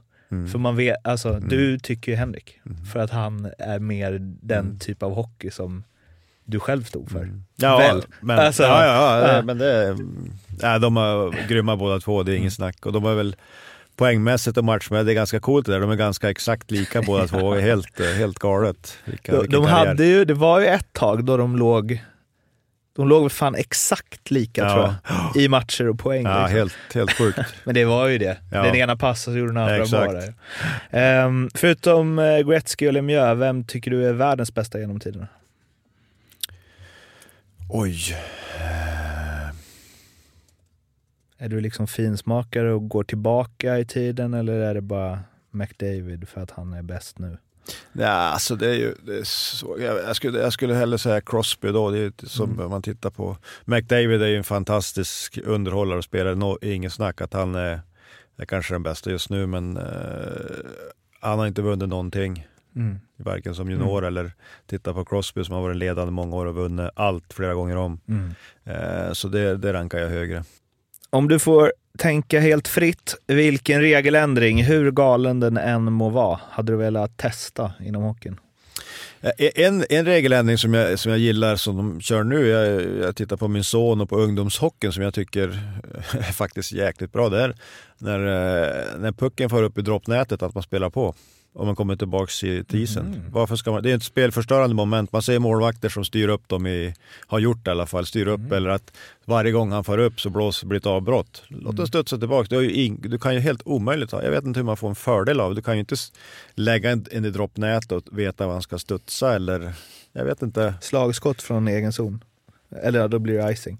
Men annars ja, det, då blir, ja, men den, den dör man ju, får man ju utvisning för, den får, om man klarar av det. Men, ja. men det, det, tycker jag faktiskt verkar vara en, en det, det, blir mindre avbrott och liksom, jag vet inte, fördel om man har det om man det, studsar. Det, är liksom, mm. det, det, tycker jag är en regel som är, är, faktiskt skulle vara jäkligt intressant. Kommer du ihåg när Niklas Norgren hette han va? Ja. När han kom fri och sköt över och blev utvisad så att det var puck-out. Och då tog de bort det. Ja, exakt. Ja, det, den, den är jobbig. det var inte nog med straff att han inte gjorde Nej. mål liksom. Nej, det blev, jag blev utvisad för det. Men om du skjuter över plexit när du är fri, ja. då ska du fan bli utvisad. Ja, faktiskt. Då, I tom bur. um, uh, det hade varit intressant om det var plex hela vägen upp också. Mm. Alltså, då kan du ju... Mm. Nej, men just det, just det där med, med att, att, i droppnätet, att han kommer tillbaks. Den bästa spelare som du spelat med eh, och eh, det behöver inte vara den som blev bäst eller det största namnet utan de bästa prestationer du sett upprepade gånger i liksom samma lag mm. som dig. Eh, Gretzky är ju den som, kanske han på, på, den tiden jag spelade med var inte på topp av sin karriär, men det var rätt coolt. Men en, en som jag var jäkligt imponerad av och aldrig sett en, en spelare i, i SHL dominerat på alla sätt. Det var när Alexander Sten var med oss i Modo, mm. när det var lockouten. Mm. Uh, han var galet bra faktiskt. Om du får chans att kolla till han, han dominerade fullständigt och han var en sån spelare som han gjorde allt också. Spela hårt, uh, rejäl, lira. Och, alltså han, ja, jag har aldrig varit så imponerad av honom faktiskt som, som det när jag såg han var med oss då i Modo. Mm. Eh, intressant eh, svar. Mm. Också lite eh, anonym. Bortglömd, ja, absolut. Bortglömd, ja. Det är absolut en uh, ja, grym karriär där borta sportchef i Sundsvall nu. Mm. Gör inte poddar har jag fått reda på. Jag frågade honom om han ville vara med, men det var ja, okay. beskedet jag fick. Ja, så, ja, jag ställer ja, inte upp i eh, poddintervjuer. Eh, Man får väl tjata några år till. Utifrån samma frågeställning då, den bästa du mött? när Lemieux var som bäst, när han var i Pittsburgh när han spelade Rangers något år, så, eller de åren så var han, han var grym. Räckvidd. Jag kommer ihåg ett slutspel. Eh, det var mitt första år, så mötte vi Pittsburgh i slutspelet. Och då spelade jag i, våran, i tredje kedjan Rangers och vi var som en defensiv. Mm. Vi skulle, första matchen så skulle vi, vi, vi mötte Jagr och Lemieux. Och då gjorde vi ett jävla bra jobb. Jag vet inte, jag tror inte de gjorde något, något mål den matchen, om det var första eller andra, men vi vann i alla fall. Matchen efter, då tänkte vi att ah, det här var ju inget problem. Då gjorde båda hattrick på oss. ja, då var man tillbaks. Då blev man satt på sin plats. Då var man inte så kaxig. De gjorde sex mål den matchen, tre var. det är när man, det är när man har fått lite självförtroende. Nej, exakt, jag tänkte kingship, det här, det här är väl inte så jävla bra grabbarna. Sen bara det var pang så var det två hattrick emot oss. Kommer du ihåg vem som var eh, tredje i den kedjan med de två? Det känns som att den personen personen sällan ja, lyfts upp. då var ju inte Kevin Stevens då. Kan ha varit. Han kom ju till ja, oss sen. Han kom ju till oss Rangers sen, men kan ha varit han eller... Uh, ja, det måste ju vara 95, 96 då. Ja, i alla fall det var en... vilka, var det, vilka var det som du gnuggade med i den eh? Eh, då var det jag, eh, undrar om det var Jerry Curry kanske och eh, Mm -hmm. Det var inte Nemchinov, Sergej Nemchinov, vem kan det vara? Fan, du har spelat med Jari Kurri också. Ja, så, ja, alla de där gamla finska Tikkanen och alla de där legendarerna. Ja, det är inget eh, tråkigt lag Rangers hade då. Alltså. Det är bara de finaste av hockeybilder. Liksom. Ja, det kan jag tänka mig. Luke Robitaille ja. och Messier och Leach och Graves. Och, ja. mm, coolt. Om du får eh, nämna tre spelare som du spelat med. Eh, bara liksom som du, jag vet inte, kommer ihåg lite extra av olika anledningar. Det kan vara vad fan som helst, men tre som poppar upp liksom. En som jag älskade att spela med och en som är en av de bästa människorna, som Uffe Samuelsson mm. i Rangers. Jag hade äran att ha som coach i Modo också i två år. Eh, en riktig krigare, lag, lagkamrat, uh, om, omtänksam, äh, grym, världsklass. Så han vill jag faktiskt nämna. Per-Åge Skröder, mm. min gamla vapendragare från Bodo måste jag också nämna. Ja... Han är också, alltså, får man ändå säga, alltså i förhållande till hans statistik i SHL mm. så är han ju också lite bortglömd. Ja, absolut, visst är han det. Ja, ja. Han, är, han är väl uppe i topp fem poäng och matcher mm. och mål och all time. Ja. Eh, jag tror han har gjort näst flest mål. Nej, det är väl han, Wernbloom där Lars-Gunnar Pettersson? Ja, han är ju helt överlägsen. LG? Ja. ja. Men annars så är det väl, jag tror ska jag det. Ja, kanske det. Ja. Eh, tredje, vem ska jag komma på? Ja, back måste jag säga. Brian Leach i mm. Rangers där också. Han var ju fantastisk. Han kunde spela 40 minuter per match, han, han var inte sandpodd. han, var, han var grym. Jag intervjuade Peter Andersson nyss. Han spelade ju med honom i Rangers. Nej, men okej. Okay, ja. Uh, var, var han där? Nej, han var ett par år innan mig. Uh. Uh, ja, just precis. Han drog ju när de vann Stanley Cup ja, och du kom väl året efter? Ja, ja. Uh, men han sa ju att Leach var Mm. Liksom att man ändå, han sa det, man har ändå spelat på hög nivå innan i Sverige och så och sen kommer man dit och bara oj, det finns. Det finns nivåer till, jajamän. Om du får göra samma sak med tre motståndare då? Som, som du kommer ihåg lite extra? Darian Hatcher. Dallas, storväxt, lite old school-stuk. Inte bäst på rören, men han var... Chris Pronger också var en riktig jäkla gris på att möta. Uh -huh. Han hade mycket tjuvnyp och men grym spelare. Alltså all, jag skulle älska att spela med men mot honom var han ingen rolig faktiskt. Han var väldigt svår att möta men hade lite, lite fuffens för sig. Så jag hade svårare, jag egentligen mötte hellre de större, lite större långsammare än de små killarna med fart. Som Korea till exempel var en sån här svår. Alltså, mm. Jag hade svårare med farten än... så dagens hockey hade inte passat bra. Nej men där hade väl å andra sidan eh, Darren Hutcher och Chris Pronger haft lite strul också va? Exakt, ja. Men det, där, det där är intressant hur det går i, lite grann i, i vågor. Eh, det här med storlek och vilken typ av hockey. Och, eh, så jag vet inte, nu kan inte jag statistiskt sett, men tittar man, alla, det är mycket backar till exempel nu, det ska vara små, skridskostarka. Mm. det ser jättebra ut och det lirar många av dem, men om man tittar kanske tillbaks, om man tittar på de som vinner eh, liksom titlar, mm. mycket små backar de har. Det är inte så många som, när det väl liksom in i Mm. Den långa, de långa slutspelarna och NHL eller jag vet inte vilka vann i fjol SHL, var det Växjö igen? De hade ganska mm. stora backar också. Men inte... Melart och grabbarna. Exakt, ja. Så jag vet inte, det är självklart det är, små backar är ing, alltså inte underskatta små backar men eh, ja, lite, lite tyngd och storlek måste man ha. Det är väl det som är eh, så häftigt med en sån som Victor Hedman till exempel att han kombinerar mm. båda. Liksom. Ja, han är ju helt grym. Det är bara att titta på han, hur han rör sig. På, han är, ibland kan man först upp, men likt för tusan så är han först tillbaka ändå. Han är ett, ett monster. Ja. Riktigt, riktigt läcker faktiskt. Jag kommer inte ihåg vem det var jag snackade med dig om i det här, men just hur liksom det är utvecklat. Så, men som när eh, när du sa nu att, eh, menar, att, att, man kan skämmas lite när man kollar på klipp mm. från 90-talet. Så, eh, för jag såg nu, jag kollar inte så mycket på NHL, men jag kollar lite nu när William gjorde sina matcher liksom först och så. Och sen någon enstaka med Colorado för the good old days. Liksom. Mm. Men Cale McCarr, Mm. hade jag inte riktigt koll på. Han är bra. Men alltså han, jävlar! Han är riktigt bra. Ja, han är, det kommer vara en toppback i många år framöver. Är... ja, men som han åker skridskor på blå linjen. Alltså om man skulle ställa honom mm. bredvid liksom Kenneth Kenholt mm. och spela upp.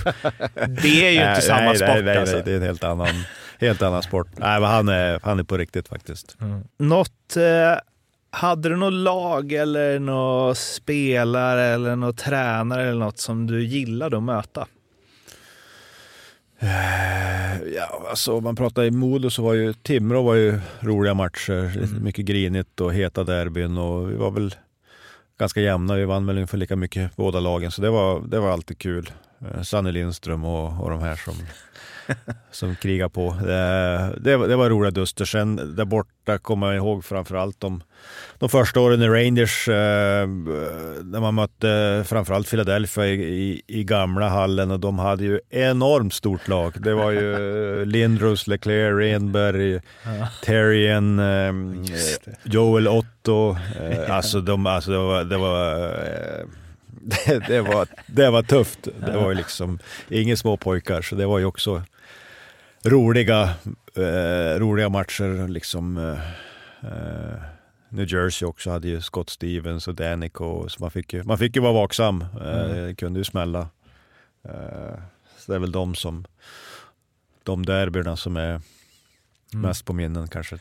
Du gillade när det var liksom hett och stökigt och bråkigt? Och, ja, eller? alltså kanske inte att bråka, men att liksom känslor, att det ska vara lite grinigt och det, mm. det tycker jag, det, var mycket roligare att, spela också. Man, fick ju, man var ju engagerad och involverad helt, på ett helt annat sätt i, i matcherna. Man var ju liksom eh, eh och det, jag tror ju, det kan, som publik och åskådare nu själv så tycker jag ju tyvärr att det är lite för lite av, uh, inte att man ska slåss eller, mm. men att lite gnäbbande och käbbande och att det ska vara någon lite så här, uh, man reagerar nu de matcher man ser på, fan, man går hem och säger fan idag var det nästan lite grinigt på plan, mm. att liksom, de matcherna reagerar man på. Det mm. det man, jag, jag personligen skulle vilja se, se mer av liksom lite känslor, att man mm. kan bli förbannad eller uh, skämmas själv att man gjort någonting dåligt eller eh, liksom att nej jävlar nu ska jag tillbaka och göra det. Mm. Jag, tyvärr tycker jag det är lite, lite för lite av det och jag, jag, jag uppskattar det som, som åskådare och se liksom fan nu, de här vill ju någonting verkligen. Mm. Du hade ju, eh, alltså det finns ju en grej på din Elite Prospect som verkligen sticker ut. det är ju antalet utvisningsminuter i NHL kontra de två första säsongerna Absolut. i Modo. Jag, jag förstår vart du vill komma. Nej, men det var, eh, jag, jag är ju ingen bus eller absolut inte eller slåss och håll på eller var. Eh, utan de åren jag kom hem så var väl mest frustration på eh, på domarna. Jag tyckte väl att vi hade, drog väl inte riktigt jämnt eh, på, på det sättet och jag, jag gick överstyr de flesta gångerna. De hade väl rätt i, de, inte alla gånger, men jag tyckte jag hade rätt i vissa lägen. Och, eh, så det kostade lite, lite tio minuter och sånt här. Och, Men jag mognade väl där vid 33-34 års ålder efter några år och lärde mig att det kanske inte var så. Eh, så det var, det var helt eh, ja, 95-90% mitt fel att jag hade dem där. Så det var mycket, mycket snack med domarna tyvärr. Och i liksom, NHL, det var det andra som skötte det eller? Ja, och där, det kändes ändå också där som att de hade, var mer inte respekterade, respekterade på ett sätt. Liksom. Men det var inte samma och jag hade inte den, jag var ju ingen kapten eller assisterande kapten där utan då låg man ju bak, bak vattnet och, och liksom på det sättet. Det var väl mest när jag, när jag kom hem där som var lite frustration som, som kom ut. Den eh, bästa tränare du haft?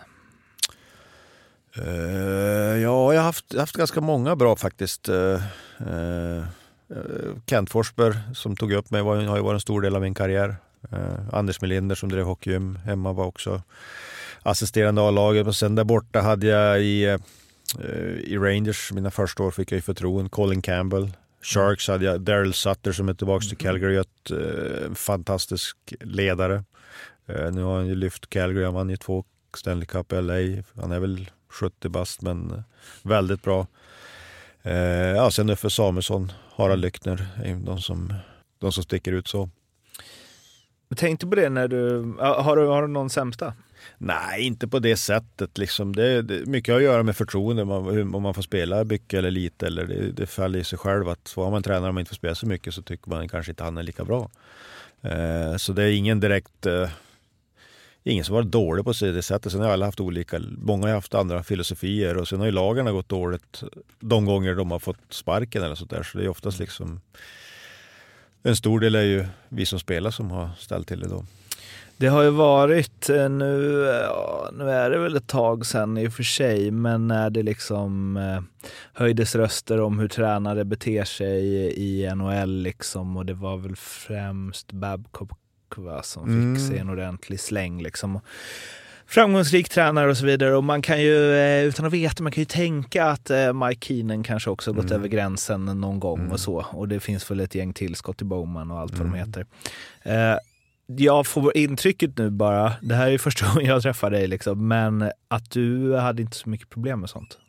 Nej, inte på det sättet. Visst har man haft eh Alltså, det har ju varit en liten annan jargong där borta, lite tuffare, lite grövre ord, liksom mycket mm. svärord från tränare och någon utskällning och sånt där på det sättet. Eh, eh, och det där är ju också eh, väldigt individuellt hur man hanterar sånt som spelare eh, och hur man, hur man tar, tar de grejerna. Jag, personligen, jag har aldrig, eh, även om jag har fått en utskällning i paus eller eh, någon sån grej att eh, eh, jag har inte eh, liksom grä, grämt mig mycket över det utan det har gått vidare och han har väl rätt det han säger och det bara att försöka förbättra sig eller ändra sig. Så jag personligen har aldrig liksom haft några, problem med, med sådana såna grejer. För att, eh, jag kommer ihåg, när det, ja, men det var ju med Babcock där när Johan Fransén gick ut och berättade hur han hade blivit behandlad. Liksom, mm. och så. Alltså för vissa grejer är ju, det är verkligen eh, dinosauriebeteende liksom. Mm. Eh, och det finns ju, nu säger jag inte i det fallet liksom, eh, för det knäckte ju liksom. Men, men det är det, eller nej, det är det som är intressant. Han vann ju Stanley Cup också mm. och han var ju svinbra. Mm. Eh, fast han hade en tränare som eh, ja, men mobbade honom liksom och Babcock har väl bett om ursäkt för det och så nu liksom. Men Um, Nej, men för, för det finns ju vissa spelare, eller ganska många som, som ändå kan Ja, där man kan argumentera för att så här, tränaren måste vara på ett över. För det finns så mycket, alltså som jag pratade om innan, det finns så mycket egon och det mm. finns så många som liksom ser sig själva som stjärnor. Så det måste finnas någon som bara, nej, fuck you. Det är mm. jag som bestämmer här. Mm. Och att vissa metoder där kanske ses som uråldriga, men det kanske, eller uppenbarligen, många framgångsrika tränare som har betett sig som svin. Liksom. Mm. Nej, men någonstans så måste det finnas en, en, en som bestämmer. Det, mm. det går inte att du har 22 spelare så alla ska ha... Någonstans är det ju ledarna, coachen, sportchefen, vdn eller... Vi spelar, så fungerar de flesta bolag eller mm. företag eller sporter. Att det, är, det är tränaren som bestämmer. Sen har han inte alltid rätt att, han har rätt. Och sen är det, kommer det alltid vara killar som är missnöjda. Mm. Så fungerar det. Det är jättesvårt att få, eh, få alla nöjda. De som spelar mindre eh, ska ju inte vara nöjda. Alla vill ju spela så mycket som möjligt. Mm. Och då får man ju som spelare får man ju försöka bevisa att man ska spela mer genom att mm. träna hårdare och ta för sig mer och, och så.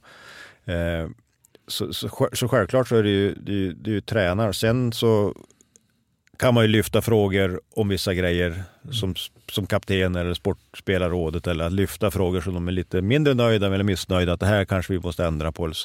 Det är, det är en annan sak liksom på det sättet. Men till, till, till, tillbaka till det du säger så självklart är det ju tränarna och, och ledarna som bestämmer. Men sen så måste man ju bestämma under liksom vissa normer om man säger så. Att man inte kan göra vad som helst. Mm.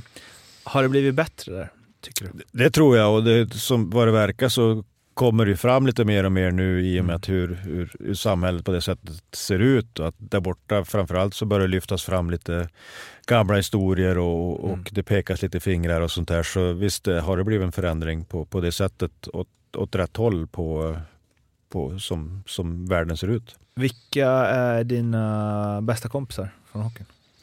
Oj, Eh, jag har många bra kompisar. Sen är det ju många som man, eh, bra kompisar som man inte hör så ofta. Men mm. man vet när man träffas är det precis som att man, man såg varandra igår. Och man går vid liksom börja där man lämnade av för tre år sedan man såg sist. Eller så, så jag har fått... Wayne Gretzky? Ja, nej, inte, inte direkt så. Men, men visst är det... Eh, man har fått jättemånga fantastiska vänner under de här åren som man Eh, och framförallt nu inom, inom mitt yrke som, som scout så stöter jag på när man är ute på resor eller eh, mm.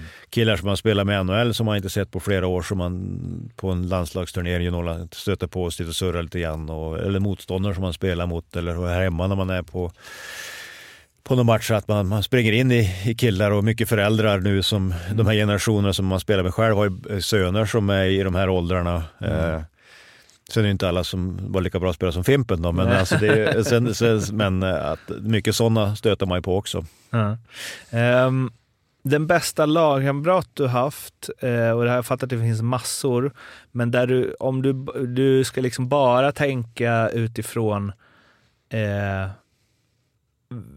hur personen var i ett omklädningsrum, i ett lag, Eh, alltså om du, det, det, här är, det här är liksom lagkaptenen om du ska sätta ihop ett lag med de bästa du spelat med.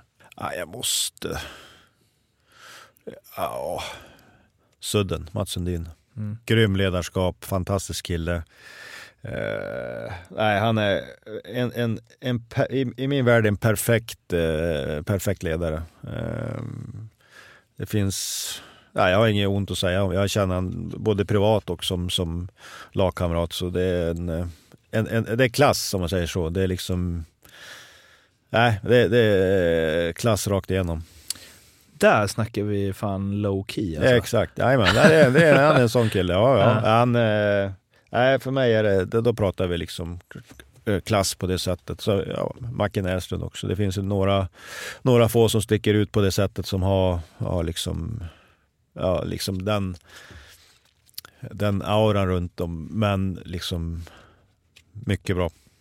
Om du med all den erfarenhet du har av hockeyvärlden eh, idag kunde hoppa in i en tidsmaskin och åka tillbaks och träffa dig själv 15 år, vad hade du gett för tips? Oj, fort. Alltså tillbaks 15 i min, eller liksom i... Ja, alltså så här, vad hade du behövt veta när du var 15 eller vad, med, när du nu gjort din karriär, ja. vad hade du sagt åt dig själv att göra annorlunda? Liksom? Om när jag var 15 år? Ja. Jag vet inte så mycket tror jag faktiskt. Jag, jag har haft så fantastiskt roligt och eh, jag tror jag tagit vara på, på liksom den tiden också. Sen, sen eh, kommer tiden gå så fort när man är väl uppe i det att man, man kanske ska passa på att göra några mer saker. Det, det, är en grej som jag kanske ångrar lite grann när man bodde där borta. Eh, att man inte utnyttjade läget, alltså Mm. rent att man gjorde mer saker runt omkring hockeyn. Eh, Men under säsong så hinner man inte göra så mycket. Men bland annat en sån här grej som efter säsongen sa jag flera gånger, äh, fan, när säsongen är slut ska man, typ när jag bodde i New York, ska, ska man tar vi några stycken så bilar vi genom USA till Mm. Kalifornien så flyger vi hem, tar en tre veckor. Och, Mm. Men när säsongen var slut ville man bara hem, liksom, då var man Mm. ganska nöjd. Så då, sån grej ångrar man till exempel om man inte gjorde. Så ta vara med på, alltså gör lite roliga grejer på sidan om också på ett annat sätt. Och, men framförallt ha roligt, träna hårt och njut för det är en grym resa. Det måste ju varit eh, asnice att bo i New York.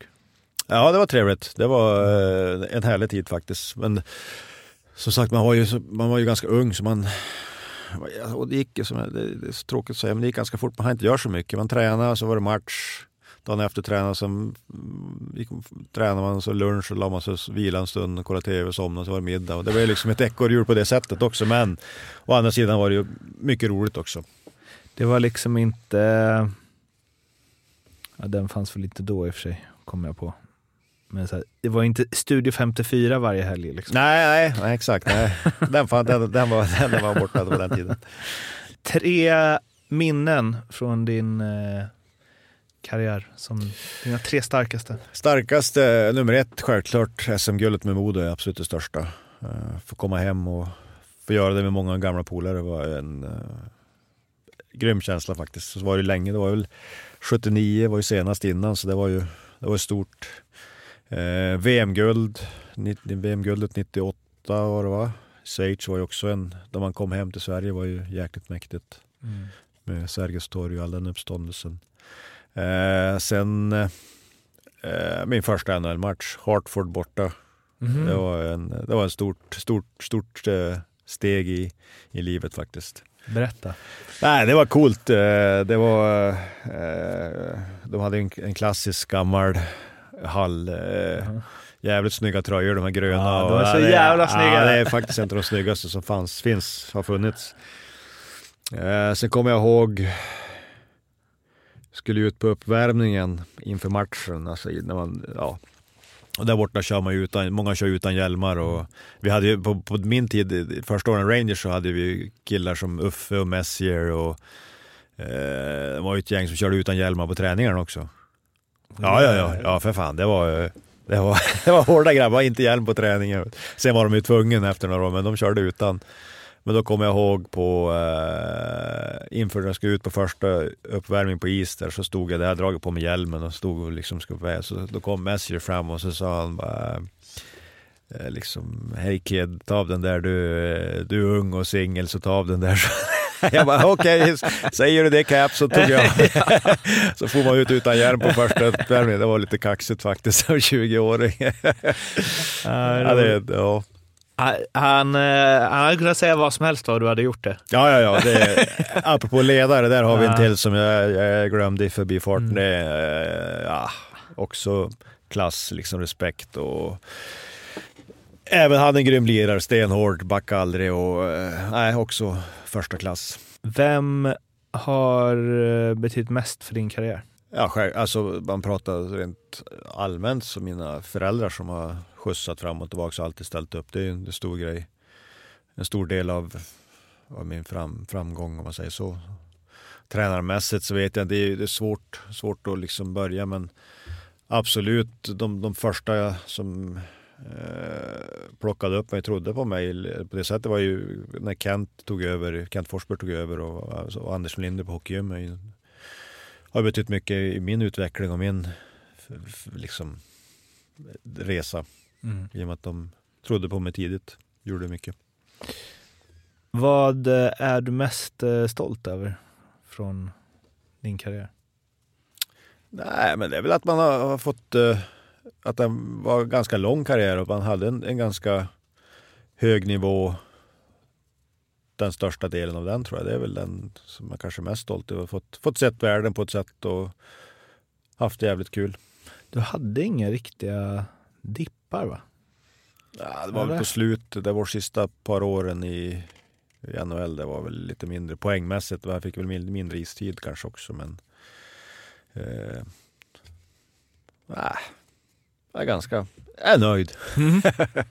Ska vi, du nämnde inte den som ett av topp tre minnen, men vi måste ändå... Milano. Jajamän. Det, det, alltså där måste jag bara säga, cred till det valet. Ja. Fan, det, det, är liksom, man har, om man har en, liksom bara, NHL-ekorrehjulet rullar på, sen får man en lucka. Då skulle jag säga att det är 10 av 10 val att dra till Milano. Ja, ja det var... Det var en jävligt, eh, jävligt rolig grej faktiskt. Det var, där har jag många historier ifrån. Men, eh, ja, kör. Vi har en kvart till. Nej, men det var ju som sagt lockout-året och eh, det började med att agenten ringde.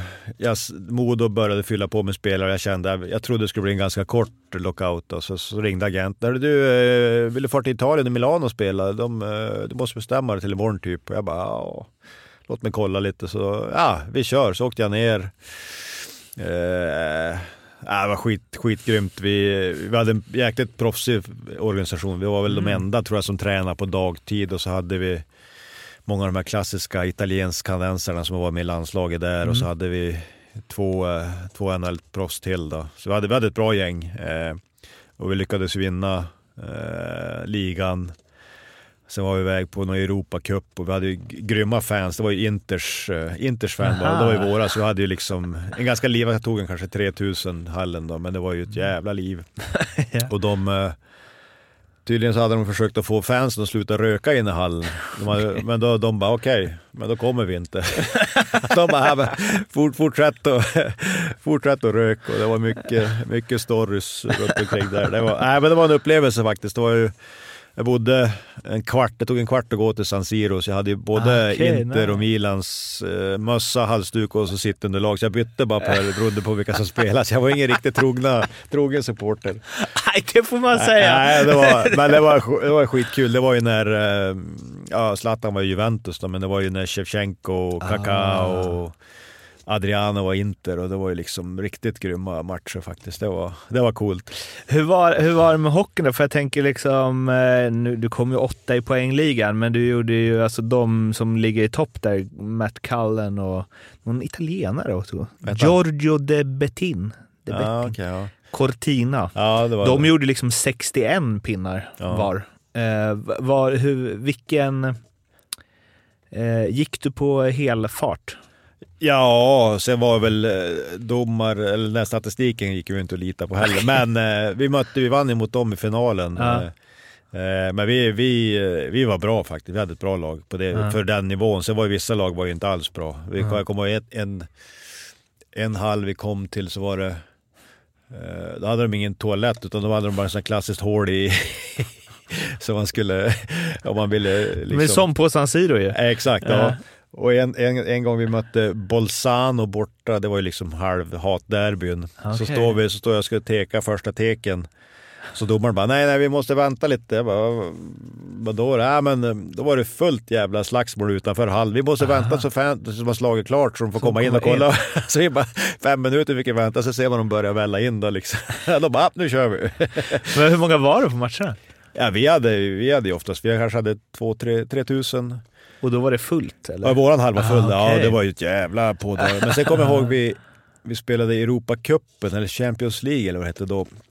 Vi vann, vi åkte till Norge och så vann vi mot eh, ja, norska mästarna och engelska mästarna och, och. Så vi gick vidare till slutspel. Mm. Eh, och då mötte vi ju, det var ju, var det Dynamo Moskva eller någon med Afigenjenov och jag vet inte mm. om Datsuk var med och så sen slovakiska mästarna och, men i alla fall Ungern, det var i Ungern, men då hade våra fans, de hade chartrat två plan och så hade de typ så här fyra bussar som åkte från Italien dit. Mm. Alltså vi hade ju liksom en klack på 2000 pers på. Det var jävligt läckert. Skitcoolt faktiskt. Fan vad ballt. Ja, det var riktigt coolt. Det är som de är, var liksom en kärna som ja. brydde sig. Ja, ja liksom. det var, de är grymma. Det var jävligt grymma så faktiskt.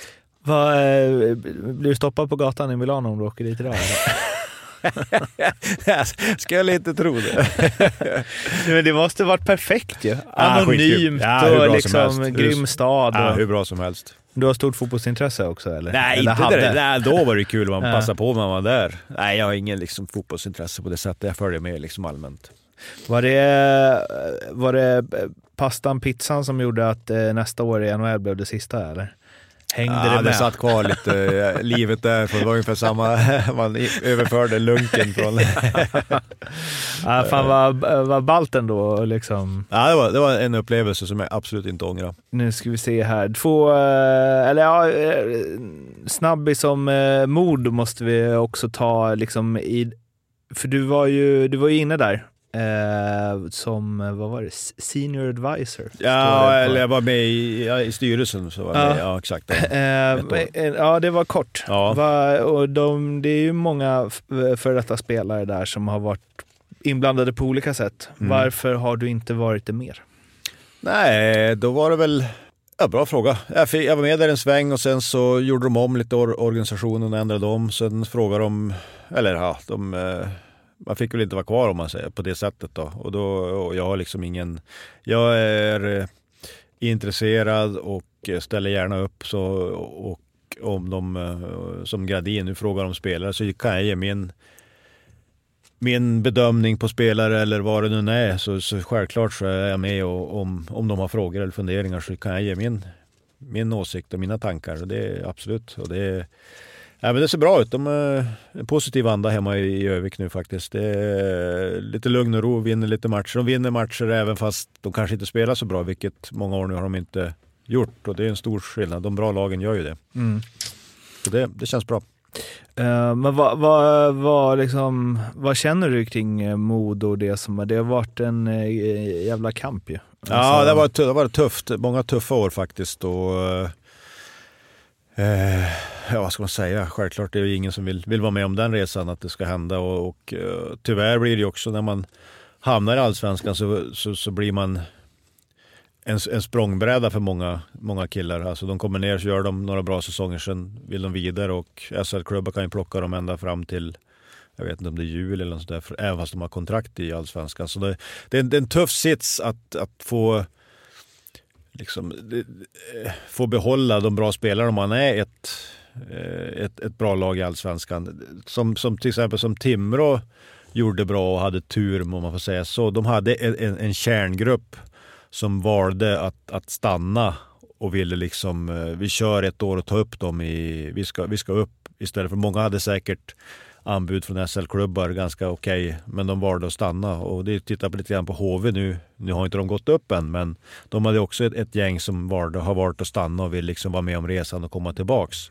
Så där är det, det är någonstans den vägen som man kanske har större chans och förhoppningsvis förmodar nu att de får behålla mm. de spelare man vill ha kvar och att man kan bygga en par år om man säger så. Det är någonstans där eh, förhoppningsvis att man måste komma för att ta sig tillbaks. Vad tror du om, eh, om man säger att, liksom, att pressen är så oerhört stor och att fornstora dagar mm. hela tiden ligger runt det? Ja visst, eh, det, det, tror jag säkert att det ligger i, lite grann i, i bakhuvudet på, på, på vissa och, och folket. Jag kan tänka mig mycket fans och människor som håller på, på mod och har väl kanske lugna ner sig lite, eller inte lugna ner sig men fått liksom anpassa sig nu att nu är vi där vi är och nu, nu får vi liksom inte förvänta oss som, att det är som det har varit utan förhoppningsvis så kan det komma någonstans i närheten i framtiden. Eh, utan nu gäller det bara att ha, ha tålamod och, och liksom bygga på sikt så gott det går och, och försöka ta sig tillbaks. Det är, det är en lång resa men eh, inte omöjligt och nu är när det Ja, när det är ett, ett allsvenskt lag upp varje år så är det ju eh, kanske en större chans att kunna göra det än att få böta. Jag vet inte, det finns väl ingen, ingen rätt i fel i det, men, men eh, ja. Men du vill aldrig in och jobba där igen liksom? Nej, inte, inte som det är just nu. Jag, jag har så pass bra som jag har. Eller, jag är med och hjälper till om de har frågor och så. Det, men eh, jag är nöjd där jag är. Och, eh, så. Två sista frågorna. Först, vad är det sjukaste som hänt inom hockeyn? Eh, det kan översättas till berätta en eh, rolig anekdot från Oj. behind the scenes. Den bästa du har. Oj. Som du aldrig sagt på band förut. Jaha. ja, det, eh, ja, en grej, den sjukaste grejen jag varit med om eh, är, det var faktiskt när jag var i Italien. Som sagt, våra fans var ju galna. Mm. Vi hade hemmamatch eh, och de stod, det var ju fullt på läktaren, så stod de efter sargen så var det plexi. Och bredvid utvisningsbåset så blev det fight. Mm. En av våra killar och en av deras killar, jag kommer inte ihåg vilket lag det var. De började slåss och deras kille tappade hjälmen. Mm. Och så stod de och höll i varandra. Då är det en av våra, ja det är så sjukt så det En av våra fans som står bakom sargen och han har krycka, han går på kryckor. Han klättrar upp på sargen och så har han en krycka. Han håller, tar ena handen på glaset och så ställer han sig upp och så har han kryckan och sopar på den här killen, deras kille, i huvudet med kryckan. Så han, han stupar ju. Han tuppar ju. Ja, av alla bara, vad fan var det där? Alltså det sjukaste jag, jag har aldrig sett. Alltså nu pratar vi på liksom, han bara svingar kryckan i huvudet på, på en spelare som eh, är liksom eh, livlös på isen. Och, och till råga på det så fick ju vi, vi fick massa böter och så skulle vi spela, som straff fick vi spela utan publik på neutral plan. Aha. Eller vi fick bara spela på neutral plan. Så då fick vi spela om det var en eller två matcher i Torino. Aha. Men då när vi spelade, likt förbannat så har vi 2000 pers där som är våra fans. De kom ju dit istället. Man bara, alltså det var ju så jävla bisarrt. Så det är den sjukaste grejen när han, när han blir knockad av en krycka från en fan på isen. Det är också väldigt, eh, jag vet inte, det finns något italienskt i det, att det är någon med en krycka som ändå ska upp och liksom... Han, han var så in, in, inlevad så het, vet du, han skulle spöa. Finns det här någonstans? Nej, jag vet inte. alltså, Fan, nej, jag vet jag kommer googla loss. Ja, när- nej, tyvärr kan jag inget italienska, men, men det var så bisarrt så jag har aldrig varit med om dylikt. Ni som lyssnar, ni får gärna hjälpa till och researcha det här. Får vi fram något klipp? Det kanske de kan ha på eh, Ja. jumbotronen. Ja, exakt, ja, exakt, ja. Den, den skulle vara grym.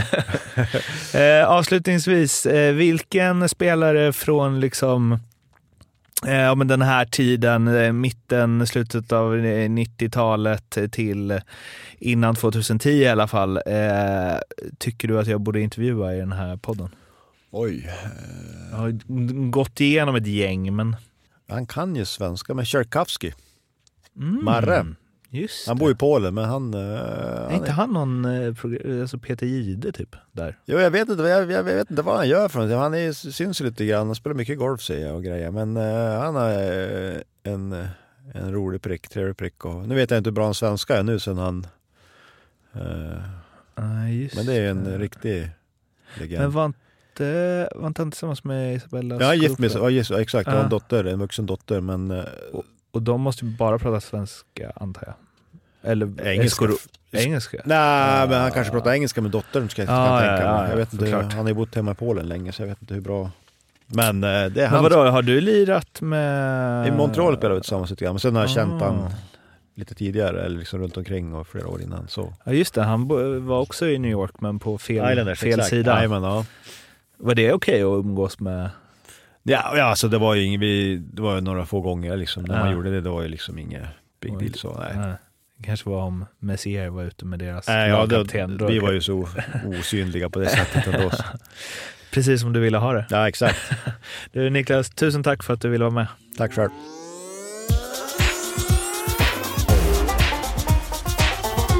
Femte femman.